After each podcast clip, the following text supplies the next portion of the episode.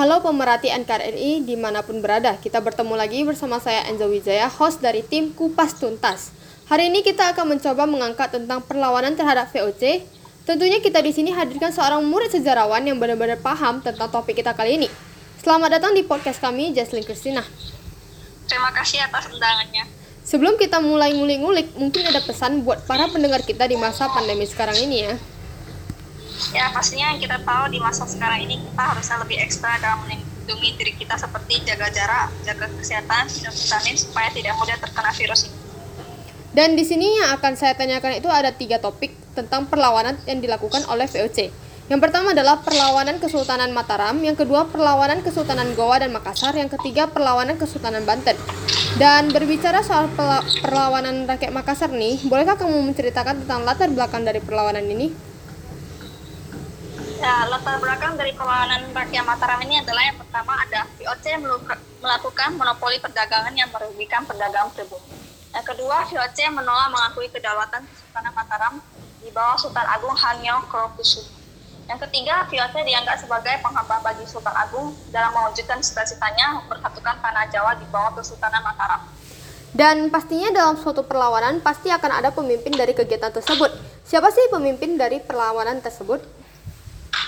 Tokoh utama perlawanan rakyat Mataram terhadap VOC ini adalah Sultan Agung Hanyokusumo. Beliau menyerang VOC di bawah Jepakun di Batavia pada tahun 1628 dan 1629 tetapi mengalami kegagalan. Kegagalan ini disebabkan salah satunya oleh kalanya persenjataan Mataram dari VOC. VOC semakin gencar dan berambisi untuk menguasai Mataram setelah Sultan Agung wafat pada tahun 1646 Masehi. Dan ngomong-ngomong soal soal perlawanan rakyat Mataram ini diakhiri oleh beberapa perjanjian kalau tidak salah. Apakah itu betul? Benar.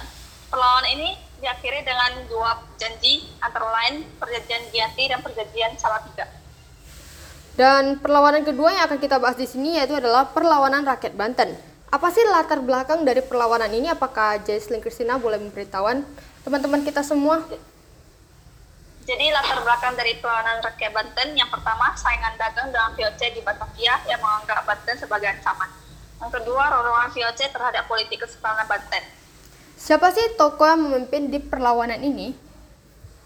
Tokoh yang memimpin perlawanan rakyat Banten ini adalah Sultan Ageng Tirtayasa. Dalam upayanya melawan, melawan VOC, ia mencoba bekerja sama dengan pedagang-pedagang asing lainnya, seperti pedagang Inggris. Sultan Ageng Tirtayasa menyerang kapal-kapal dagang VOC di perairan Banten dan wilayah perbatasan dengan Batavia, seperti peperangan di daerah Angke, Tangerang pada tahun 1658 sampai 1659.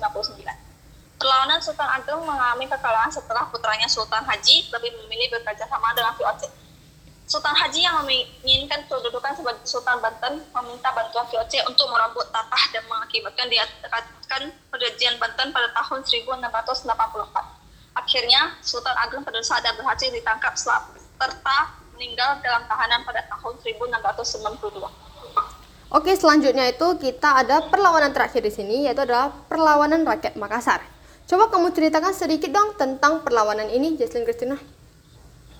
Perang antara VOC dan Makassar ini tidak dapat dihindarkan setelah VOC memaksakan monopoli perdagangan di Goa. VOC berhasil mengadu domba antara kerajaan Goa yang dipimpin oleh Sultan Hasanuddin dengan kerajaan Bone yang dipimpin oleh Arab Abu Palaka. Dalam hal ini, VOC memihak Bone untuk menghancurkan Goa, meskipun kalah dalam segi persenjataan. Perang ini akhirnya diakhiri dengan perjanjian Bungaya pada tanggal 18 November 1667. Isinya antara lain adalah yang pertama Makassar harus mengakui monopoli perdagangan VOC. Yang kedua, wilayah Makassar dipersempit hingga kerajaan Goa saja. Yang ketiga, Makassar harus ganti rugi perang. Yang keempat, Arupalaka harus diakui sebagai Raja Bone. Yang kelima, Goa tertutup bagi orang asing kecuali VOC atau Belanda.